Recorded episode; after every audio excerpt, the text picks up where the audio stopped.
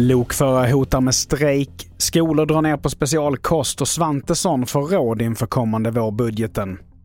Det här är TV4-nyheterna som börjar med att sökandet efter den 13-åriga flickan Filippa som försvann igår eftermiddag i Kirkerup på Sydsjälland fortsätter.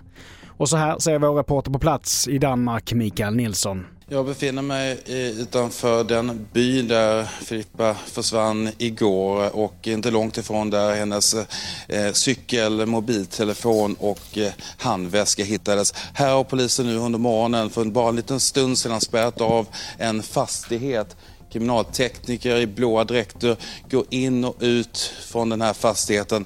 Vad det är som har påträffats där inne är oklart. Om det är Filippa eller något annat som tillhör den här, eh, de här utredningsåtgärderna får vi vänta och se. Vidare till Sverige där lokförare inom pendeltågstrafiken i Stockholm planerar på att gå ut i vild strejk med start imorgon måndag. Anledningarna är förarnas missnöje med att man ersatt tågvärdar med kameror vilket innebär ensamarbete. Arbetsgivaren MTR varnar de anställda för att det kan innebära skadestånd och i värsta fall uppsägning. Och fackförbundet Seko som representerar de flesta förarna tar avstånd ifrån planerna på en strejk. Vi fortsätter med att många skolor väljer nu på att dra ner den individanpassade maten för barn med funktionsnedsättningar som ADHD.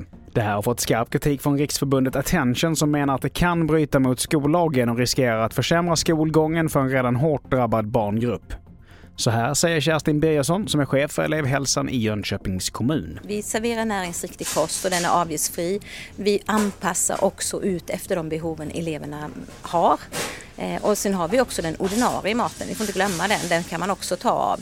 Så jag tänker att vi följer skollagen. Till sist inför den kommande vårbudgeten så råder nu Konjunkturinstitutet finansminister Elisabeth Svantesson att låta bli stora skattesänkningar. Det rapporterar TT. Expertmyndigheten menar att man istället ska låta Riksbanken sköta jobbet om ekonomin fortsätter att hacka för att på så sätt inte förlänga krisen. Budgeten kommer att presenteras imorgon måndag.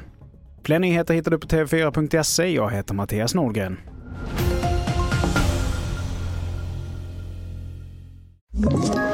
Ett poddtips från Podplay. I podden Något Kaiko garanterar östgötarna Brutti och jag, Davva, dig en stor dos skratt. Där följer jag pladask för köttätandet igen. Man är lite som en jävla vampyr. Man har fått lite blodsmak och då måste man ha mer. Udda spaningar, fängslande anekdoter och en och annan arg rant. Jag måste ha mitt kaffe på morgonen för annars är jag ingen trevlig människa. Då är du ingen trevlig människa, punkt. Något Kaiko, hör du på Podplay. Därför arkadeinerna.